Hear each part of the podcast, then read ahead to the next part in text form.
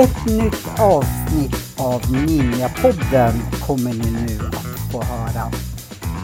Jag har inte aldrig sagt ett nytt avsnitt av Ninjapodden kommer ni få höra. Alltid är det roligt att få liksom säga något nytt. Jag befinner mig i Sätra i Gävle och ska träffa en kille, man eh, som heter Stefan Hedman som driver någonting som heter Ilskakuter. Jag måste bara inleda med att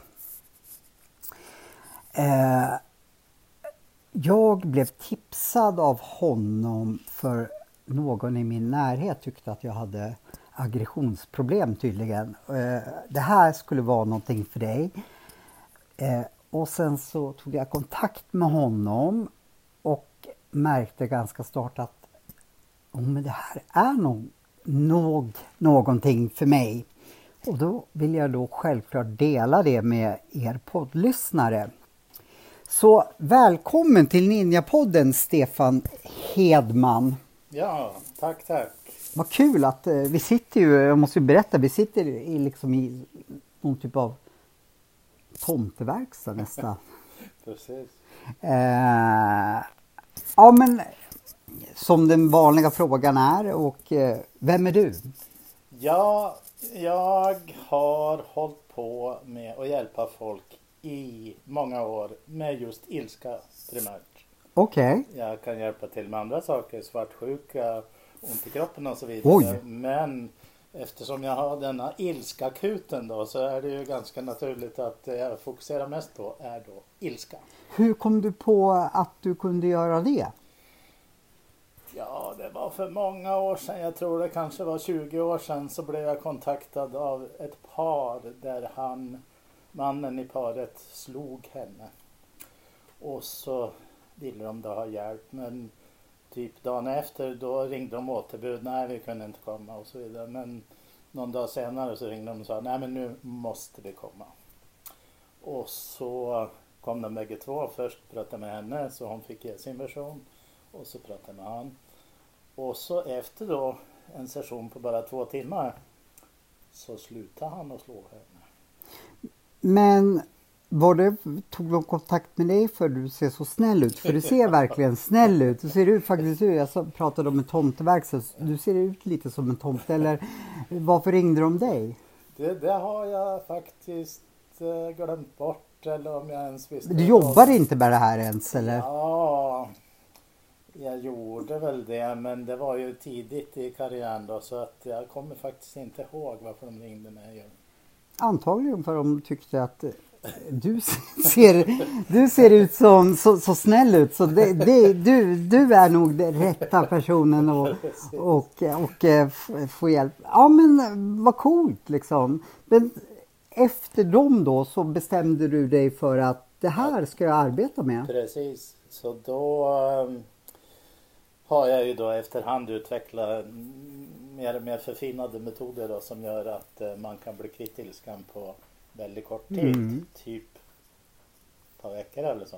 Även en sån eh, instabil person som jag alltså.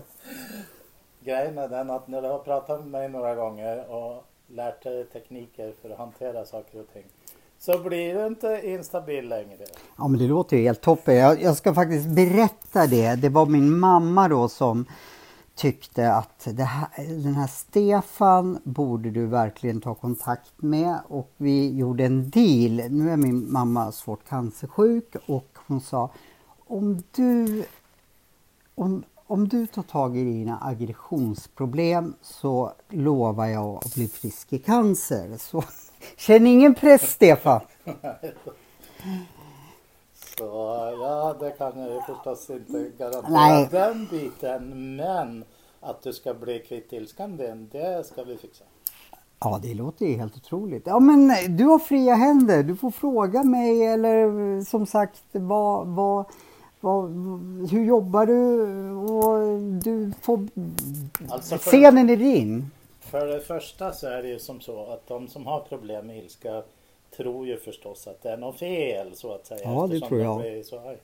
Men felet är ju att de aldrig har fått lära sig göra rätt. Okej. Därför att om du tänker att du kör bil och har kört i diket ett par gånger så är det ju inte fråga om att lära sig att inte köra i diket. Utan det är ju att lära sig köra bil helt enkelt. Och när du har lärt dig köra bil då kör du inte i diket. Och lika med ilska, att när du har lärt dig hur du inte hanterar ilskan för då har du kommit ganska långt i processen. Men hur du hanterar det som leder fram till ilskan. Så behöver du aldrig komma dit. Vad är din teori? Varför blir man arg? Ja, Och vad är ilska? För det första så när man tror att man har problem med ilska så är det vanligtvis inte ilska som är problemet utan det är raseri. Jaha. För att eh, Och vad är skillnad på raseri och ilska? alltså när du är arg då vet du vem du är arg på vad du är arg på. Och då kan du gärna oftast hantera det ganska bra. Men när det blir ett steg vidare till raseri då blir det mer som en explosion. Då blir du arg på allting. Du liksom, Jag vill ofta slå någon när jag blir arg. och det kan vara att man känner sig lite trängd. Kanske. Och då blir man kanske som ett vilddjur och försöker slå sig ur den situationen. Nu gör ju inte jag det, men, men det är min första känsla liksom, den när jag blir arg att jag vill slå in pannbenen på någon. Precis. Alltså, det finns många olika reaktioner när man blir arg. Det finns en del som kastar saker, slänger i dörrar, höjer rösten och så vidare.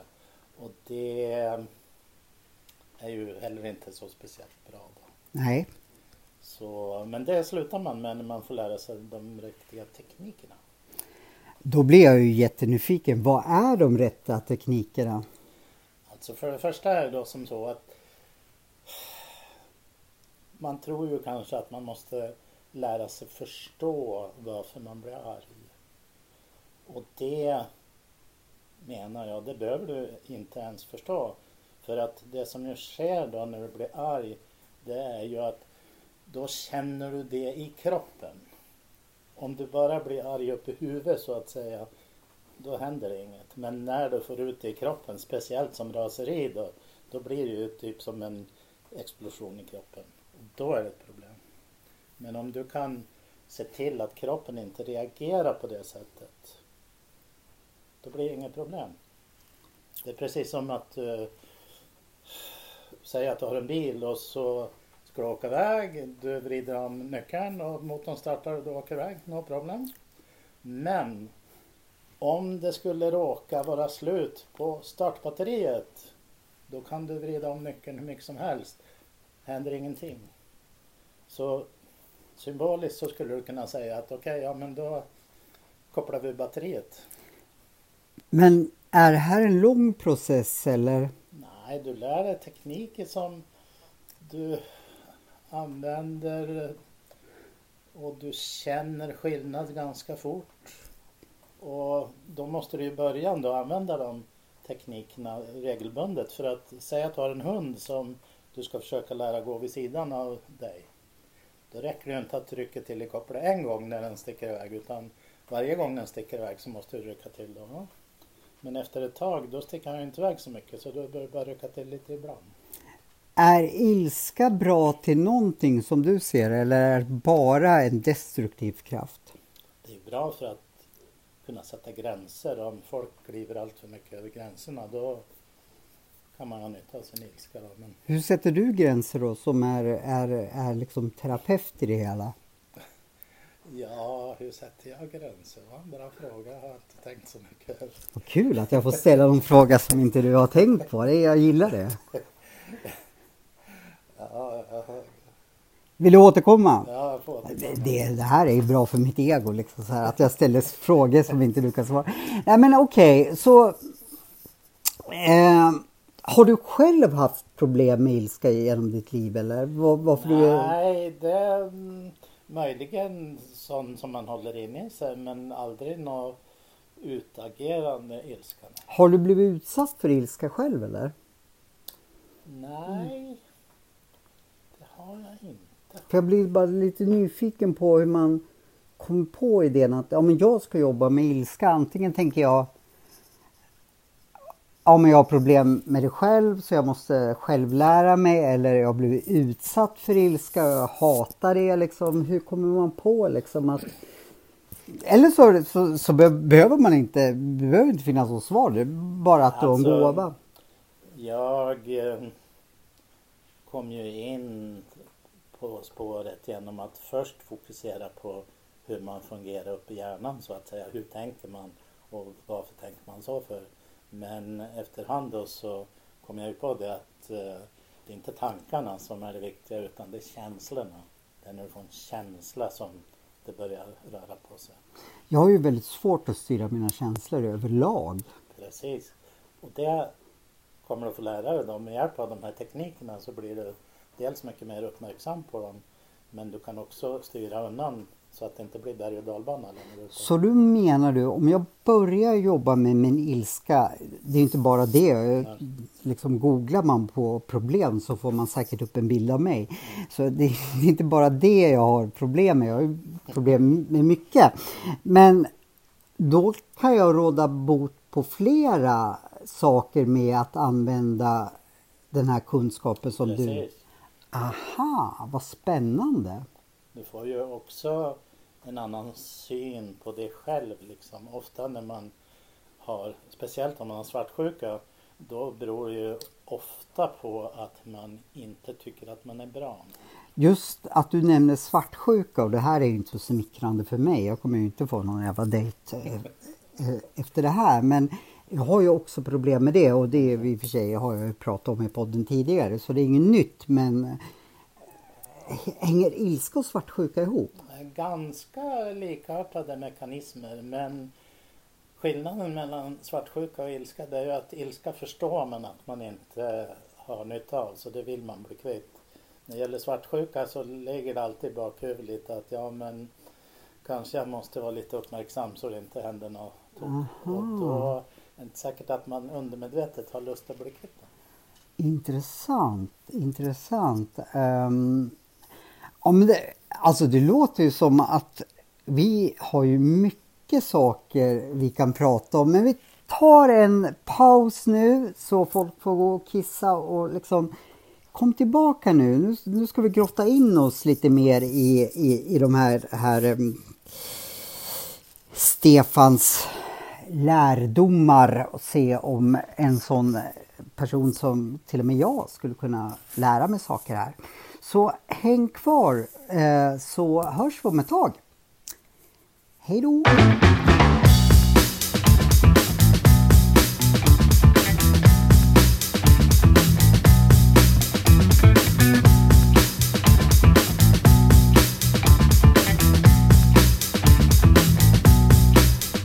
Då var vi tillbaka här i Ninjapodden och Johan Seffer heter ju jag. Min kollega Per Reves ehm, har inte hört ett tag i podden. Vill ni få kontakt med honom skicka en flaskpost. Jag sitter ju här med min gode vän Stefan Hedman ifrån Ilskakuten och han har ju lite lovat mig att jag ska få eh, liksom bukt med mina aggressionsproblem. Och han menar ju också det att det finns säkert mycket mer som ligger bakom så jag är ju otroligt nyfiken på att få veta allt. Men Stefan, jag har ju träffat dig en gång tidigare innan nu vi poddar och då fick jag lite enkla, eller jag kanske inte ska säga enkla, jag fick övningar eh, av dig för att jag tror att det var att slappna av. Jag skulle trycka på ett på, på min egen kropp. Stämmer det jag säger nu eller? Ja då. Eh, det var lite föraning bara så att du skulle få lite känsla för vad det går ut på. Och det konstiga var, jag tänkte så här, ja men han pratar säkert i liksom nattmössan men jag, jag eh, gör som man säger. Men det konstiga var att jag blev lugn. Eh, för sen sist vi såg så har jag varit i några stressade situationer. Och jag prövade de övningarna och jag blev lugn. Nu får du förklara, hur kunde jag bli lugn och trycka på ett ställe på kroppen? Alltså, man har sina tankar, man har sina känslor, man har spänningar i kroppen och lite andra saker som då hänger ihop. Så när man blir stressad av en tanke så får man en känsla, om vare sig nu stresskänsla eller irritation eller sorg eller något sånt. Men det blir också spänningar i kroppen. Om du inte har dessa spänningar i kroppen så känner du inte känslan. Känslan hänger ihop med dessa spänningar. Men om du då gör någonting för att lösa upp de spänningarna och det kan man då göra väldigt effektivt med vissa tekniker. Då känner så att säga inte känslan igen så längre och då försvinner känslan. Så har man då en stresskänsla, ja men då försvinner stresskänslan och har man sorgkänsla så försvinner sorgkänslan. Så man kan styra sina känslor med dessa tekniker. Wow! Ja, jag märkte ju att, att det lyckades men jag förstår inte riktigt hur. Men det kanske man inte behöver egentligen. Man behöver faktiskt inte förstå det. Så när jag hjälper någon så behöver jag inte veta nästintill någonting om deras bakgrund eller konkreta problem utan istället för att jag ska försöka lösa något problem, vilket är onödigt enligt mitt sätt att säga, så lär jag dem hur de ska göra för att det ska bli rätt. Så en hypotes då. Jag kommer hit med en eh, flickvän. Vi leker nu med tanken på att jag slår henne. Du behöver inte ens veta det utan du, vi bara säger vi har problem så löser du... Jag talar om att jag har problem med ilska. Ilska, att, att jag, att jag piskar upp henne varje kväll. okej, okay, eh, det ska man inte skämta om. Men, men okej. Okay. Eh, det behöver man säga, men du behöver inte liksom, det, det är ingen eh, psykolog liksom eh, grej att vi behöver berätta våra barndomsgrejer utan för, du kan, det räcker att säga jag har problem med ilska, svartsjuka så, så kan du... För att det är ju en mekanism i det hela. Vanliga mekanismen när det gäller ilska eller som jag sa tidigare raseri då, det är ju att du tycker att något är fel något som har blivit gjort eller inte gjort som du tyckte var fel. Då blir du i första hand irriterad. Sen så går det vidare till att bli frustrerad. Om kanske samma sak sker på nytt och på nytt. Sen blir man då arg. Men så länge man är arg så har man vanligen ganska bra kontroll. Men nästa steg då blir man alltså rasande. Så att det är den vanliga mekanismen och om man då avbryter den mekanismen någonstans på vägen ja, men då kommer man aldrig till varken ilska eller raseri. När var du senast ra, äh, äh, när drabbas du senast av raseri? Du ser inte ut Nej. som att du har gjort det så många gånger. Nej, jag har nog inte varit rasande på år och dag, typ. Kommer du ihåg vad, vad det som utlöste ditt, ditt raseri senast? Även om det är 200 år sedan? Nej. Jag lägger inte sånt på minne heller. Ja, men vad, vad bra! Nej, nej, men jag tänker så här, jag försöker nu sätta dig lite på hal is här. Eh, har du suttit i någon bilkö eller någonting sånt där? Så... Alltså ett problem med de som har ilska, ilskeproblem det är ju att de har en identitet att jag är en sån som har ilskeproblem. Och har man den identiteten då förstärks ju det. Då blir det liksom riktigt i min identitet att ha ilskeproblem. Där sa du någonting otroligt intressant för ibland så känner jag eftersom jag då tydligen har den, den identiteten att ja men Johan ska bli här. så ibland nu, nu har inte jag något körkort ens men om jag sitter, vi leker att jag sitter i en bilkö mm så förväntas det att jag ska reagera innan någon annan gör det i bilen för att jag kanske inte är riktigt arg då. Men det förväntas sig att jag tar kommandot och vara arg innan någon annan gör det i bilen för då har jag ju förlorat min roll liksom av eh, den ilska. Så, så det där var ju otroligt intressant för ibland har jag känt att Ja, men jag är ju inte arg, men troligtvis är det jag som ska reagera på den här grejen innan någon annan gör det eftersom jag har ju problem med mitt humör. Så då förväntas det. Det här har inte jag reflekterat över förrän du säger att det kan vara så. Tror du då att många har fastnat i, i den fällan då som Ja men du har problem med ditt humör. Ja men då ska den reagera. Jag brukar ju säga ibland så här att om det är någon som kommer och vill ha hjälp med ilska och så säger han ja men jag har ett ilskeproblem. Då kan jag ju fråga hur vet du det? Jo, men jag blir alltid arg när det händer. Okej, okay, ja men är du arg nu då? Nej, inte just nu, men jag brukar bli arg. Ja, men hur vet du att du har ditt problem kvar då? När du inte är arg nu, varför tror du att du har ett ilskeproblem för? Och efter att de då har pratat med mig några gånger i vart fall, då har de ju inte längre det ilskeproblemet. Så att det att de säger att de har det, det är ju bara för att de vet att de har haft det. Nu sa du också, du säger massa i, i, intressanta grejer, men sist jag var här så, så pratade vi lite om ångest som jag har problem med. Och då så sa du så här, har du ångest nu? Nej, det har jag inte. Ja, men nu vet, nu kanske jag lägger orden i din mun, men någonting som jag tänkt på, då sa du, men hur vet du då att du har ångest? Du har inte det nu. Och det har jag tänkt på sen vi såg sist. Det var ju väldigt klokt sagt. Eh, jag har ju bara svalt den etiketten att jag har det. Men när du ställer den frågan, har du det nu? Nej, och det hade jag inte då heller. Ja, men vad är det som säger att du har det då? Någonting sånt sa du. Jag kommer inte... Och då gav det mig en massa tankar ja, men det är en etikett som jag har svalt att jag har det. Skulle du kunna utveckla lite tanken kring varför du sa så? Liksom, jag, jag ser det lite också med ilska, precis som du var inne på att ja men ja, nu ska inte jag alltså, prata. Jag har ju en gång i tiden skrivit en bok om hur man blir bra i ryggen.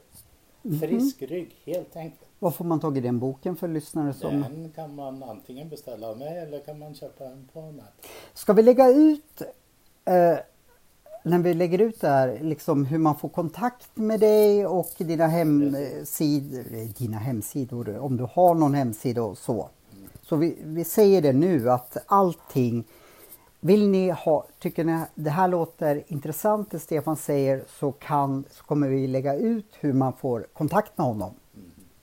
Så, fortsätt. det är ju faktiskt samma då med ryggproblem. Att om man frågar ett gäng med ryggproblem om de har ont i ryggen så är det ju då förstås många som svarar att de har det. Om man då väljer ut någon i gruppen och frågar har du ont i ryggen just nu? Nej, inte just nu men jag har haft det många månader eller år. Då säger jag till dem, om du inte har ont i ryggen just nu, då har du inte ont i ryggen. Men de föreställer ju sig att de har ont i ryggen, bara det att de inte känner det just nu. Men är det generellt med allting att om vi tar det vi var inne på svartsjuka, att mm. någon som tror, då ja, att jag är svartsjuk.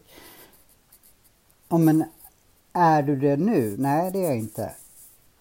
Svartsjuka har ju liksom lurat sig kvar då, liksom. det hänger kvar. Men kan man säga att det här är generellt eller är det bara ont i ryggen och ilska som? Alltså det är generellt att det ligger i språket att man säger att man har någonting.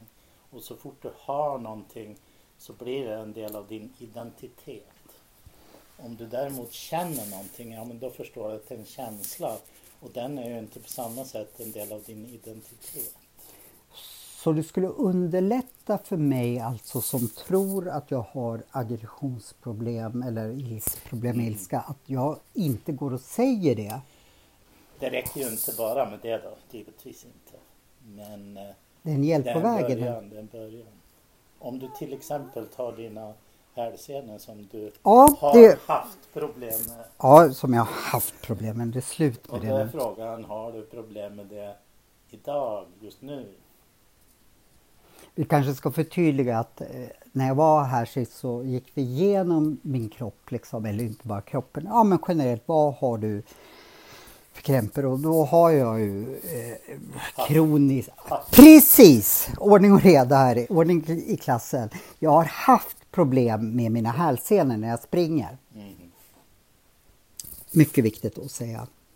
Men du känner inte nu? Nej, det gör jag inte. Men däremot känner jag, och det har ingenting med saken att göra, men i Ninjapodden hoppar vi. Varför känner man när man sitter vid ditt bord att man befinner sig på ett julbord? För det är så otroligt mycket saker här och när jag kom hit så, ja, vill du ha en macka?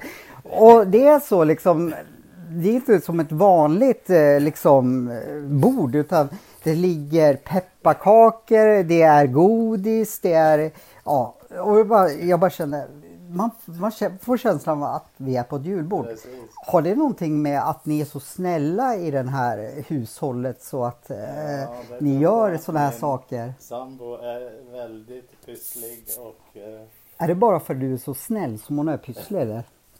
Nej, det har nog alltid varit. Okej. Okay. Ja, vi, det, jag vill bara påpeka, jag har aldrig varit med om att man har kommit någonstans där man känner att man sitter vid ett julbord. Och det, det första frågan jag fick, du, vi har gjort mackor till dig. Eh, ja, eh, jag blir så glad. Eh, men det har inte så mycket med ilska att göra. Jag blir, kanske blev snäll av att få massa pepparkakor. Men eh, du menar alltså att med lätt, som jag tycker var lätt teknik eller eh, övning att peka på en del av kroppen. För jag trodde ju, ja men jag ska kanske läsa massa eller eh, stå på huvudet och dricka vatten. Men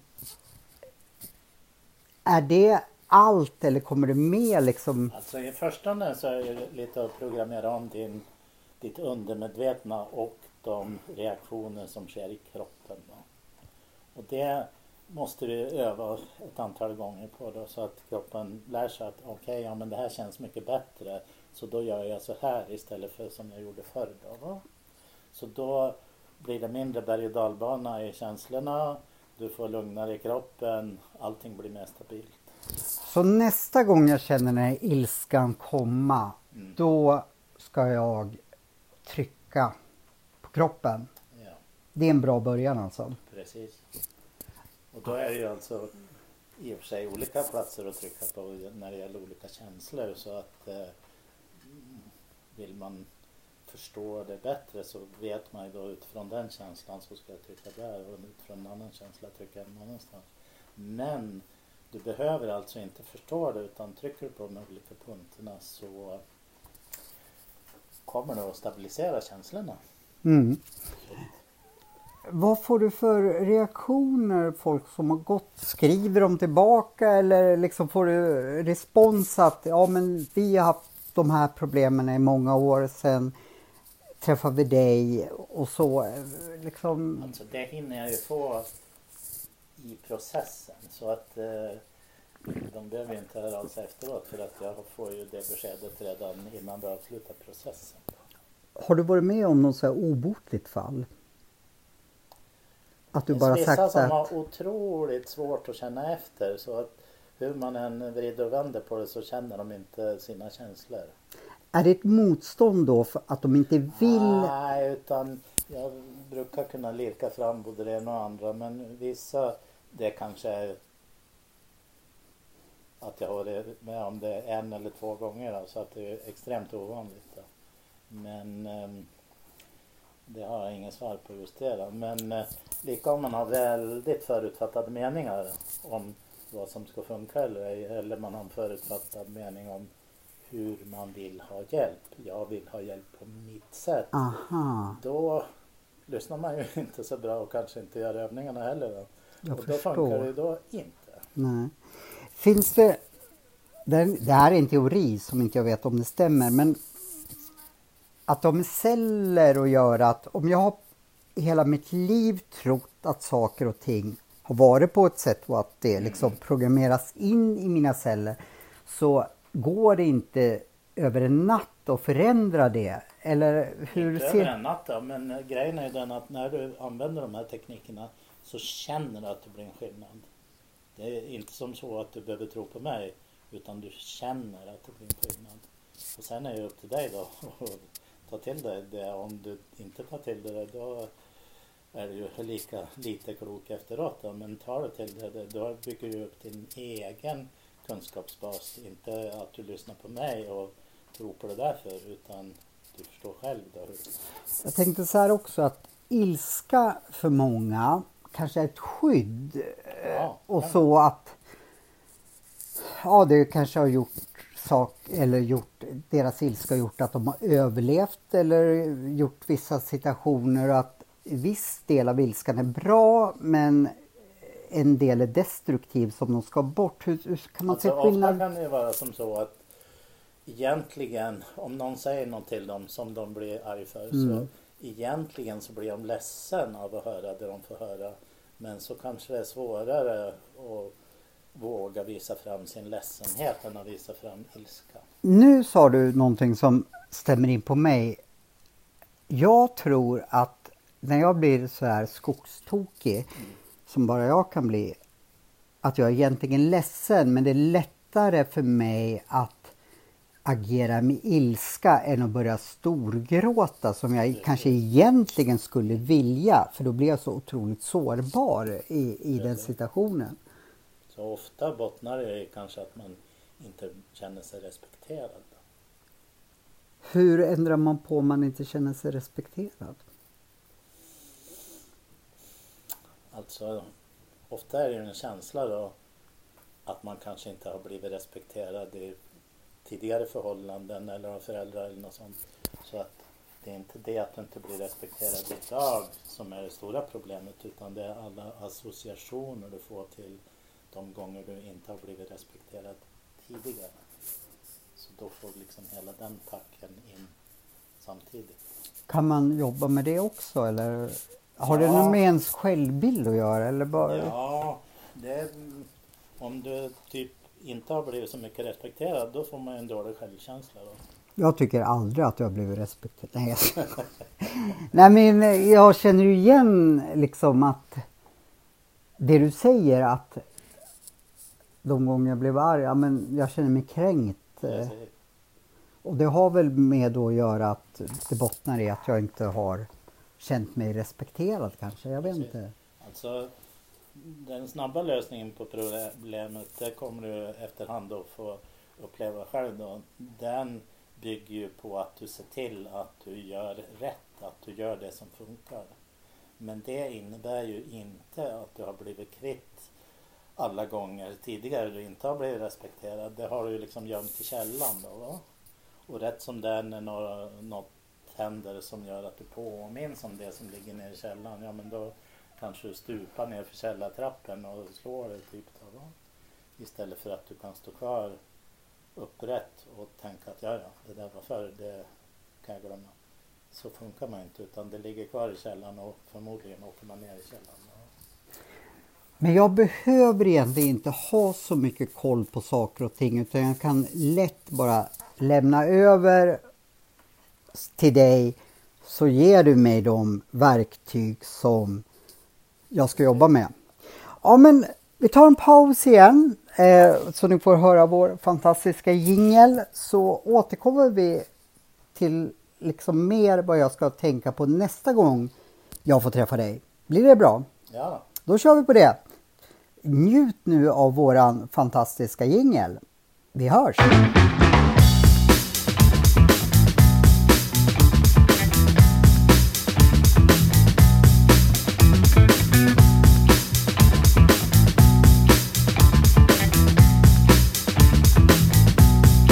Då är ju Ninjapodden tillbaka och vi sitter här med Stefan Hedman. Känns det bra Stefan? ja. Tror du att det finns hopp för mig? Alla. Ja men vad bra, det var det jag ville höra. Eh, jag, jag blir lite nyfiken, du har jobbat med det här i många år. Vilka, vilken är det typiska som kom, kommer till dig? Jag förstår ju att, att man har någon form av aggressionsproblem eller någonting. Är det par, är det kvinnor, män? Alltså, jag föreställer mig, jag har inte kollat helt, men jag föreställer mig att det kanske är 60% män och 40 kvinnor. Jag är inte säker. För jag tänker generellt på de människorna jag har stött på i livet att det är oftast män som har aggressionsproblem generellt. Stämmer det eller? Nej, nej, det är bägge då. Och när det gäller kanske speciellt män då så kan det vara som så att de hör av sig och lite som du sa då, att eh, de säger att jag har problem. Aha. Att de kanske inte riktigt har tagit till sig det allihopa. Då. Men eh, de flesta förstår jag att de har. Men om man, är, om man är till exempel ett par, Mm. är det då vanligast att det är en som har aggressionsproblem och en som liksom får ta emot eller är det två arga människor tillsammans? Ofta så är det två som har problem. Det är inte säkert att bägge har lust att erkänna det men var och en bidrar väl lite med sitt. Aha, spännande. Men så finns det ju givetvis de där bara den ena har problem. Mm. Och så finst det ju de som inte hör av sig förrän de antingen har separerat eller hotar om separation och så vidare. Och det är ju lite tråkigt att de väntar så länge. Hur många förhållanden och äktenskap har du hjälpt att det inte har blivit separation? Ja, faktum är att en som jag hjälpte för många år sedan, kanske åtminstone tio år sedan, kanske ännu längre. Där var det ett par som hade bestämt sig för att separera. Han hade ilskeproblem både privat och på jobbet. De hade ordnat lägenhet åt henne, bestämt hur de skulle göra med barnen och sånt. Och så fick han hjälp. Och då ändrade de sig och när jag ringde honom för 6-7 år senare, några år sedan, då var de ju fortfarande ihop. Då. Så att där räddade jag i vart fall ett äktenskap. Då. Känns inte det skönt när man går och lägger sig på kvällen att idag har jag räddat ett, äktenskap? Ja, det kan vara bra. Men eh, jag kommer, vi ska avrunda snart. Eh, vad kommer jag att få med mig tills vi träffar nästa gång? Du kommer ju få några fler övningar som du ska göra. Och när du gör dem så kommer du att känna att det blir en förändring. Wow! Och då kommer du inte bara känna i kroppen att det blir en förändring utan du kommer att märka att du förändrar ditt beteende. Då. Aha! Och de runt omkring dig kommer förmodligen att märka det men de kommer inte att tro på det för de tror ju att du bara blivit duktigare och döljare. Intressant. Och det kan gott tänkas att du märker skillnad på din omgivning för när du har en annan utstrålning så reagerar ju de annorlunda på dig. Så att eh, om det är någon ibland då som ringer och har ett barn som har problem med humöret så säger jag ju alltid till dem att ja men det bästa är om jag hjälper dig som förälder först. Så att de får höra vad det går ut på och höra vem jag är och så vidare. Och då när föräldern ändrar sig då är det normalt sett som så att barnet också ändrar sig och blir kvitt en stor del av sitt problem. Så då behöver jag inte hjälpa barnet. Ah. Eh, får man fråga vad jag kommer få på övning, för övningar eller är det hemligt eller? Lite hemligt. Ja, jag gillar saker som är hemliga. Det känns mycket coolare då att jag får göra hemliga saker.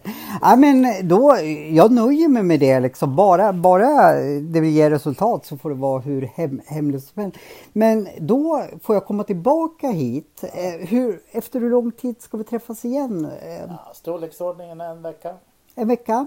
Ja men då kommer jag tillbaka om en vecka och Ja. eh, redovisa de hemliga övningar som, som jag får. Ja, då kanske till och med julen är slut. Nej, men jag vill inte att julen ska vara slut för då får man inte det här julbordet när man kommer hit. Eh, vad skulle jag säga? Eh, för er lyssnare då som blir nyfikna, det kanske jag har sagt men jag säger det igen, så kommer vi lägga ut din hemsida och hur man får kontakt med dig. Men eh, ni, måste, ni får ju bara inte missa eh, nästa avsnitt med Stefan där vi får se nu när jag har, eh, om jag lyckas klara de här hemliga övningarna så kommer jag ju bli så modig Teresa. Finns det någonting du vill tillägga? Nej, annat än att om ni har eller har någon ni känner som har problem så ta gärna kontakt. Det uppmanar jag och lyssna nu på nästa avsnitt när vi ser då när, hur, eh, om jag kan få bukt med mina aggressionsproblem problem så är jag helt övertygad om att alla kan det. Men då får jag tacka så mycket för att eh, jag fick träffa dig. Ja, tack själv. Ha det bra så hörs vi. Eller, vi syns, eller syns gör vi kanske inte då, då men eh, ja, ni vet hur jag menar. Hej då! Hej då Stefan! Hej då.